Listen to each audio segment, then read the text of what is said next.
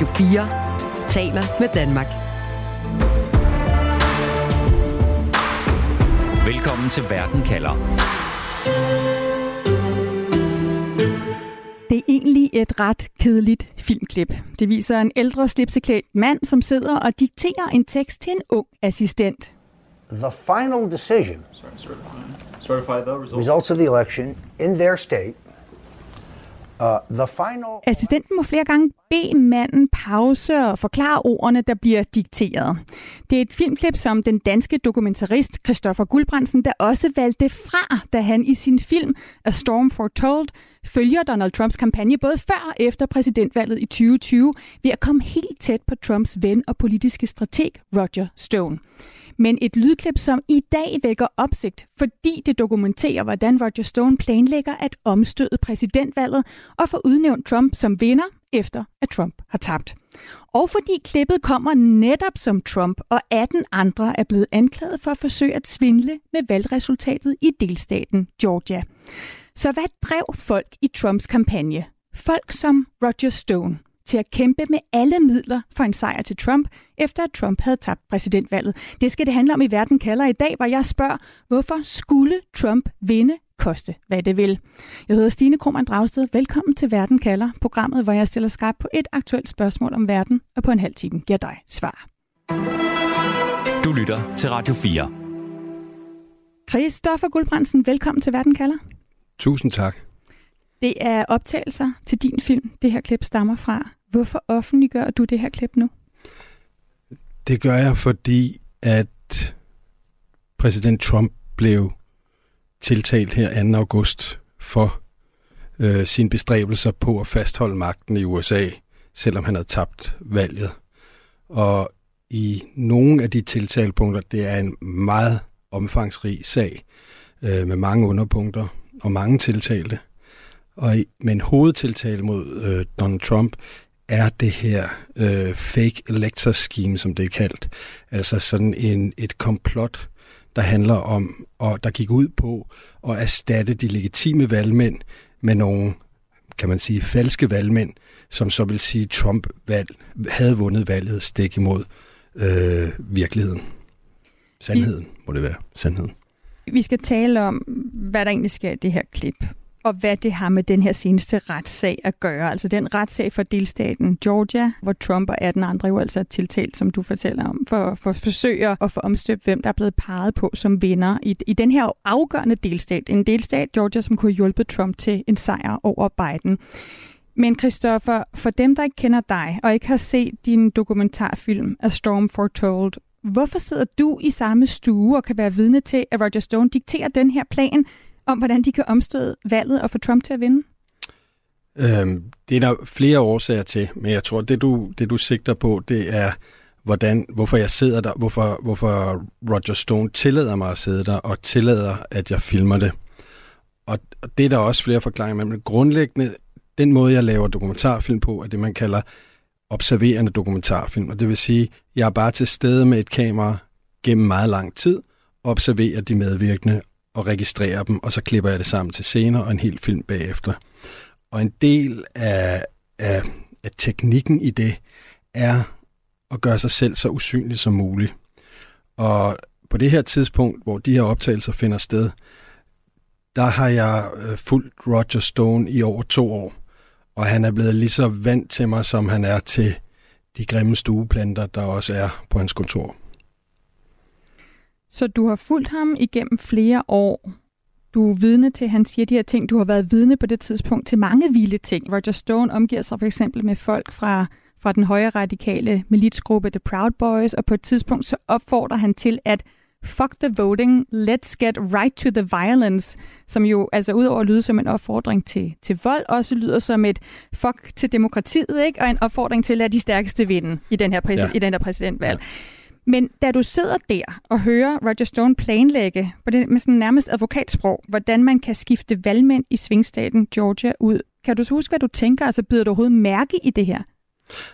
Ja, det gør jeg, fordi altså, jeg har hentet ham hjemme hos ham selv om morgenen, og, og kørt ham ud til der, hvor han skulle arbejde, så været hans chauffør dybest set.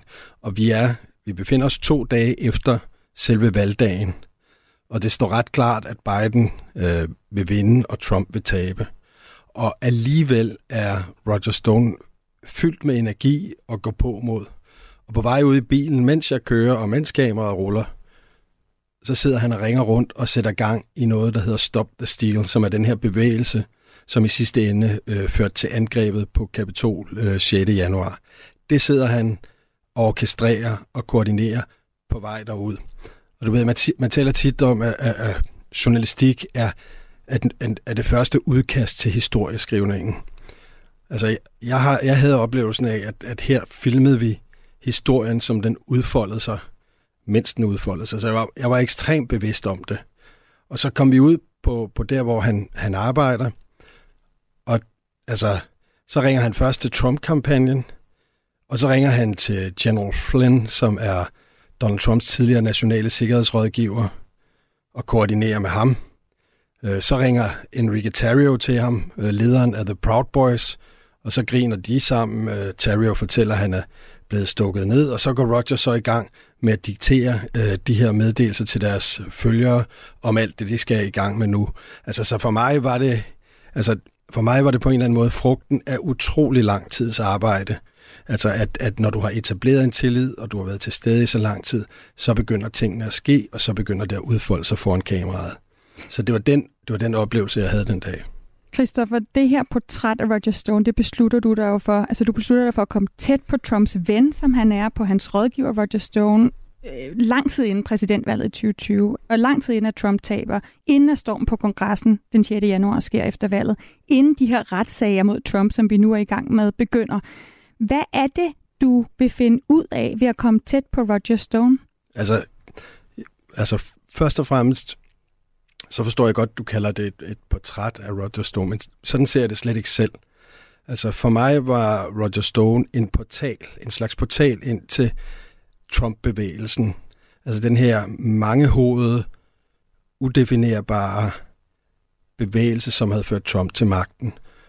Og Roger kunne blive, altså min forhåbning var, at han kunne være min adgang ind i den verden til at forstå, hvad det var for nogle kræfter, der, der var blevet sat fri i USA, og som, som, øh, som drev de her forandringer frem. Øh, så, så det, var, det var det, jeg var interesseret i. Det var ikke portrættet af mennesket Roger Stone. Men når du skal fortælle en historie, særligt i sådan en filmisk sammenhæng, så fortæller du det gennem mennesker og menneskers psykologi, og så har du brug for en hovedperson. Så i, i den forstand øh, var, var, er Roger og var Roger, og blev han så i filmen øh, hovedkarakteren, og derfor bliver det selvfølgelig også en film om ham. Han er en hovedkarakter, han er en portal ind til en verden, du gerne vil finde ind i. Han brænder dig af flere gange, hvor du flyver til USA, og han ikke møder op, og du må tage tomhandet hjem igen. Han dropper dig af filmholdet midt i det hele, da et andet filmhold tilbyder ham penge for at følge ham. Du ender med at sidde med en masse gæld. Du får hjertestop, noget du viser i filmen. Du bliver genoplevet. Du bliver genforenet med Roger Stone. Hvorfor kan du ikke slippe ham? Øhm, jamen, jeg, det er ikke ham som person, jeg ikke kan slippe. Det er, det er historien, som jeg synes er så vanvittig interessant og spændende. Og jo mere man investerer sig, jo mere jeg investerer mig, når jeg laver en film, øh, øh, jo mere optaget bliver jeg af det. Der er sådan en, en meget berømt øh, øh, filminstruktør, dokumentarinstruktør, der hedder Werner Herzog, øh, som engang sagde, at, at han lavede en film, der hed Fitzcarraldo, som øh, dybest set handlede om en mand, der skulle hive, trække et skib over et bjerg. Og han, sagde, han havde sådan noget omkring film, og det at lave film. Han sagde, alle, enhver burde mindst en gang i deres liv trække et skib over et bjerg. Og det tror lidt, det, det var det, den her film blev for mig. Jeg tror ikke nødvendigvis, jeg vil gå igennem det samme en gang til, men, men det var vanvittigt meningsfyldt undervejs. Og nu er i hvert fald nogle af fraklippene også blevet så meget mere. De er blevet noget, som måske kan være vigtige i de retssager, der kører imod Donald Trump og imod andre i USA lige nu. Så lad os lige vende tilbage til det fraklip, som du nu offentliggør, og hvad det har med den her nye retssag imod Trump at gøre. Du lytter til Verden kalder på Radio 4. For Christoffer Guldbrandsen, når vi to taler sammen om din dokumentar i dag, så er det jo fordi Donald Trump og 18 andre i den her uge er blevet tiltalt for forsøg på at ændre valgresultatet i 2020 til Trumps fordel. Det er anklageren i delstaten Georgia, der jo har tiltalt dem, og nu har du så valgt at offentliggøre det her fra din film. Lad os lige høre en lille snært til. Any legislative body may decide on the basis of overwhelming evidence of fraud to send electors to the Electoral College who accurately reflect the president's legitimate victory in their state. Man kan høre Roger Stone diktere her, man kan høre assistenten, den unge mandlige assistent, skrive ned i baggrunden. Det er kedeligt jurasprog, det her, Christoffer. Hvad er essensen af det, Roger Stone siger i klippet? Jo, men altså, er det nu også så kedeligt? ved jeg ikke, om jeg er enig i. Øh... Altså, når man bare lige hører det, så sidder man ikke og tænker, wow, det her det er en plan til at omstøde valget. Altså, han, altså, han står der meget nøje og udvælger ordene til, hvordan ja, det, det rigtigt. skal ske. Ikke? Det er rigtigt, men, men det, er det meste får vel først betydning, når det indgår i en sammenhæng, og det, det tror jeg også gælder det her. Altså, øh, Stone taler om det her såkaldte fake elektroskema, altså hvordan de skal presse de de, region, eller de statslige politikere for at få dem til at udnævne nogle alternative valgmandsstemmer, der ikke repræsenterer resultatet, men derimod vil påstå, at Trump vandt. Og det skal de bruge, det skal de bruge pression til. De skal lobby dem through direct personal contact, direkte personlig kontakt, og, og i vise folkets vilje, tror jeg, han siger, noget i den retning. Og, og det er jo ligesom, hvad det er. Men der, hvor det bliver rigtig interessant, det er, hvem det er, han siger det til. Og her, dem han siger det til, dem han sender det til, det er blandt andet medlemmerne af sådan en øh, chatgruppe. Han har sådan en krypteret chatgruppe på Signal, der hedder FOS, Friends of Stone. 47 medlemmer er der i den, som er mange af dem, som er nogle af de prominente, som i dag sidder fængslet for deres angreb på eller prominent er jo et meget forkert ord, øh, berygtet måske, mm. altså er nogle af dem, der deltog allerforrest i angrebet på Kapitol 6. januar. Altså dem, han sender det her memo til, det er blandt andet lederne af Proud Boys, en militant gruppe, som spillede en afgørende rolle i angrebet. Lederen af The Oath Keepers, også en militant gruppe, som, øh, som spillede en afgørende rolle. Begge to i fængsel i dag. Ali Alexander, en leder i, i Stop the Steal-bevægelsen, også kommet galt af sted i dag. Så en lang række af de her folk, som ikke bare spillede en rolle i 6. januar øh, angrebet, men som også i dagene og ugerne efter rejste til Georgia og begyndte at, at udøve pression på politikerne. Så der er, en, der er det er ikke bare en, en mand, der sidder i et, et, et rum med en anden og siger noget. Det er en afsender af et budskab om, at nu skal vi gøre det her for at opnå det her. Og det budskab sender han til nogle voldsparate grupperinger, som træder, som, som går i handling, kan man sige. Og derfor synes du, at det Roger Stone siger i det her klip er vigtigt i forhold til de anklager om at obstruere valgresultatet i Georgia, som øh, at du nu offentliggør det, at det er så vigtigt, at du nu offentliggør det. Jeg synes også, det er interessant i forhold, altså en, det er den ene vigtige kontekstuelle oplysning, man skal have. Den anden er for mig øh, det, at efter angrebet, på 6. efter angrebet 6. januar, så tog jeg med Roger Stone tilbage til Florida. Og fra 6. januar frem til 20. januar, hvor Biden blev øh, indsat, der, altså, da vi kom tilbage til Florida, var Stone redselslagen og absolut overbevist om, at han ville blive anholdt for sin rolle i Stop the Steal-bevægelsen og anslaget 6. januar. Og han brugte alle sine kræfter frem til, at Trump trådte tilbage på at overbevise Trump om, at han skulle give ham en preemptive pardon, altså en benådning på forhånd for anklager, der kunne komme senere. Og da Trump ikke gav ham dem, blev han vanvittigt vred på ham. Og, og den, den frygt, Stone havde, som jo helt åbenlyst peger på, at han tænker, at han kan få, at han har at han kan få hænderne i fedtefadet. Sammenholdt med de optagelser, vi har i begyndelsen, hvor han sætter det her i værk, øh, sætter gnist til, til bålet, kan man sige, det gør, at jeg synes, at det, det begynder at blive rigtig interessant. Og du synes, det er vældig interessant. Det synes det amerikanske forbundspoliti, FBI, også. Altså, de har været vældig interesseret i dit materiale, og de har ønsket at få adgang til det. Det afviser du i første omgang. Hvorfor? Jamen, det er jo ud fra sådan et princip om at, at blive min egen vognbane. Jeg laver dokumentarfilm og offentliggør det. Hvordan offentligheden og myndighederne bruger det, det må de sådan set selv om. Men jeg samarbejder af princip sådan set ikke med øh, myndighederne i sin strafferetslige efterforskning. Ser du anderledes på det her fraklip nu, hvor anklageren i delstaten Georgia har tiltalt Trump og de andre? Mm, det, det ved jeg ikke, om man kan sige, men... men okay, jeg, tænker, du over, tænker du over, om dit materiale kunne have gjort en forskel? Altså om for eksempel Stone kunne have været blandt dem, der var tiltalt, hvis man havde haft fat i det her fraklip? Nej, det gør jeg ikke. Og jeg har heller ikke nogen, noget, nogen målsætning om, at Stone skal tiltales. Grunden til, at jeg har gjort det offentligt nu, det er, fordi jeg synes, det, det er væsentligt, og det har offentlighedens interesse, at det kommer frem. Altså udfordringen er selvfølgelig, når du, som vi har her, over 175 timers materiale, så kan du ikke udgive det hele. Men, men jeg er jo ikke sat i, verden til, sat i verden til at tilbageholde oplysninger.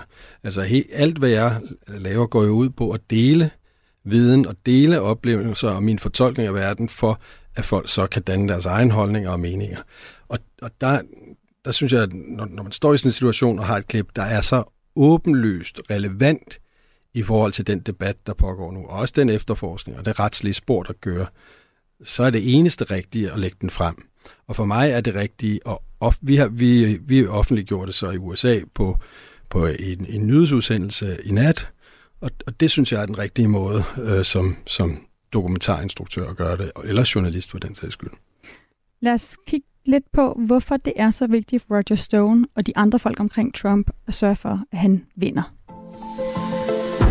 Radio 4 taler med Danmark. Fordi det er Donald Trumps ven og rådgiver Roger Stone, som du følger i din dokumentar, som du bruger som en portal ind til den verden, som du siger. Det er en mand, som har kendt Trump i 30 år. Det er en mand, som opfordrede Trump til at stille op til præsident helt tilbage i 80'erne. Det er en mand, der kan læse Trump. Det er en mand, der kan lægge ord i ekspræsidentens mund. Og det er Roger Stone, der i det her klip, som en anden Egon Olsen siger, jeg har en plan til, hvordan Trump kan blive udråbt som vinder i en delstat, han har tabt. Hvad er det, Roger Stone ser i Trump, Christoffer? Øh, sig selv, først og fremmest, tror jeg. Altså, det er meget svært at sige, hvor Trump slutter, og Roger Stone begynder, og omvendt. De har haft et politisk venskab i, du sagde det selv, ikke? I, i over 30 år, og Roger Stone var hans første politiske rådgiver, og inden nogen andre tænkte på det, gjorde han det til sin egen personlige ambition, at Trump skulle ende i det hvide hus og blive præsident. Så, så for Roger er, er Donald Trump et, perso- et, altså et dybt personligt projekt. Er det derfor, han kæmper så inden for Donald Trump, også efter han har tabt? Øh, det er det blandt andet. Han er jo et sammensat menneske, og der er, der, der, der er flere ting, der spiller ind. Der, der, der er deres historik, og det element af han er hans personlige ambition. Men der er også det at kæmpe for sin egen relevans øh, og, og, og træde ind på scenen som vigtig spiller. Det, spiller, det, det er afgørende for, for Roger Stone. Og så er der også altså, det meget mindre elegante eller storslået, og, og, og det er, at der er penge i det. Altså Roger Stone kan rejse mange penge på den her Stop the Steal-bevægelse, og det er jeg heller ikke i tvivl om, han gjorde. Så det er på spil for Roger Stone. Det er indflydelse og magt, det er penge, og så er det også, som du siger, at det kan komme til at koste ham, hvis Donald Trump ikke vinder. Ja, men jeg tror, altså, man kan opsummere det i, ved at sige, at Roger Stone er sådan det mest rendyrkede politiske dyr, jeg nogensinde har mødt. Altså, det handler om viljen til magt. Du gik op og ned af Roger Stone igennem flere år. Tænkte du på noget tidspunkt, at han ville vende sig imod Trump? Ja, det var, det var jo lang tid. Det, det, det, det var jo i spil, fordi altså, første akt, kan man sige, hvor i min relation til ham, og det blev så også første akt i filmen, blev, at Roger Stone var tiltalt for at lyve og tro et vidne for at beskytte Donald Trump i den her såkaldte Ruslands efterforskning. Og der gik Stone så langt, at han faktisk blev idømt over tre års fængsel og var villig til at risikere at skulle i fængsel for Trump. Og der, der var det jo selvfølgelig en overvejelse. Vil han flippe? Vil han pludselig vidne mod Trump for at redde sig selv? Det nåede så ikke at blive aktuelt, fordi inden han skulle melde sig til fængsel, så trådte øh, Trump ind på scenen og slettede hans straf. Og hvad afgør, om Roger Stone vil vende sig imod Trump i dag, hvor ekspræsidenten har, har hele fire retssager imod sig? Jamen, det tror, jeg, det, tror jeg, det tror jeg ikke kommer til at ske. Altså, det jeg oplevede i de år, og det er jo ikke bare med Roger Stone, det er også med dem, jeg fulgte fra øh, Proud Boys og Oath Keepers og de andre i miljøet omkring øh, Stone. Det er, jeg oplevede en, en radikalisering, som, øh, altså, som ikke lader noget tilbage for øh, religiøse radikaliseringer. Øh, en, en mere og mere fundamentalistisk tilgang til magtkampen i USA mellem det republikanske parti og, og demokraterne. Så jeg tror, altså, de, det er så indædt og galvaniseret i dag, at jeg kan slet ikke forestille mig, at hverken Roger Stone eller nogen af de andre i, kreds, i, sådan, i, i det øverste lag kunne finde på at vende sig mod Trump. Ligger der en eller anden ambition bag den her magt? Altså er der på noget tidspunkt, hvor du kan se en, en, nogle, nogle idéer, idealer bag uh, Roger Stone, hvor han på en eller anden måde godt gør, hvorfor det er, at han skal kæmpe med alle midler for, at Trump kan beholde magten? Det, det synes jeg er, det er et helt centralt spørgsmål. Og, og svaret er nej. Altså, øh, den film, øh, vi har lavet, altså, der er, politik er stort set fraværende. Altså, der er, der er sådan set ingen ideologi. Det handler alene om den rå magt. Og det kan vi jo også i vid udstrækning se på den politik, som, som Trump har ført, at, at den, den går på kryds og tværs af, af, af de forskellige ideologier og, og værdier og holdninger, som præger amerikansk politik. Øh, det er, den eneste røde tråd, jeg umiddelbart kan få øje på, der er selvfølgelig flere, og der er en politisk øh, bund i det, som er, som er antiprogressiv, kan du sige, og, og konservativ. Men den, den virkelige røde tråd, det er at tjene, øh, altså at varetage Donald Trumps personlige interesser. Du lytter til Radio 4. Og du lytter til Verden kalder, hvor jeg i dag stiller spørgsmålet, hvorfor skulle Trump vinde Christoffer Guldbrandsen, hvad er dit svar på det spørgsmål? Ja, det, det er, fordi Trump taber ikke. Altså, da han, da han stillede op, da han stillede op til præsidentvalget i sin tid, så sagde han, at han havde tænkt sig at vinde og blive ved med at vinde, og han ville vinde så meget, at republikanerne ville blive trætte af at vinde. Det er gået stik modsat, men det er den mentalitet, øh, han, han repræsenterer. Og så må det koste, hvad det vil, også når man er Roger Stone. Ja, det, det er så der paradokset er, fordi de, de to personer, altså i deres relation, de er, de, de er karakteriseret ved begge to at være fuldstændig optaget at sætte deres egne interesser forrest. Så i det øjeblik, de, de er i konfrontation med hinanden, deres, eller konflikter deres interesser, så er det jo selvfølgelig, det kan gå galt, men det er ikke sket endnu. Tak for at komme og fortælle om den indsigt, du har i, i hele den verden. Tak. Christoffer Guldbrandsen, dansk dokumentarist, og du kan se dokumentaren af Storm Foretold, som ligger tilgængelig på DR TV. Og uanset hvad der sker, så kan du få svar på et afgørende spørgsmål lige her i Verden kalder med mig, Stine Krohmann Dragsted. Det er mandag og torsdag, og du kan lytte til programmet live. Først en halv time om en aktuel sag i Verden kalder, og så får du 30 minutters Verden kalder perspektiv, hvor jeg sætter et spørgsmål om verden ind i en større sammenhæng og giver dig svar. Og du kan selvfølgelig lytte til Verden kalder som podcast lige når du vil. Det gør du ved for eksempel at finde Verden kalder på Radio 4's app, eller der, hvor du lytter til dine podcast. Husk at følg Verden kalder, så får du altid de nyeste afsnit. Du har lyttet til en podcast fra Radio 4. Find flere episoder i vores app, eller der, hvor du lytter til podcast.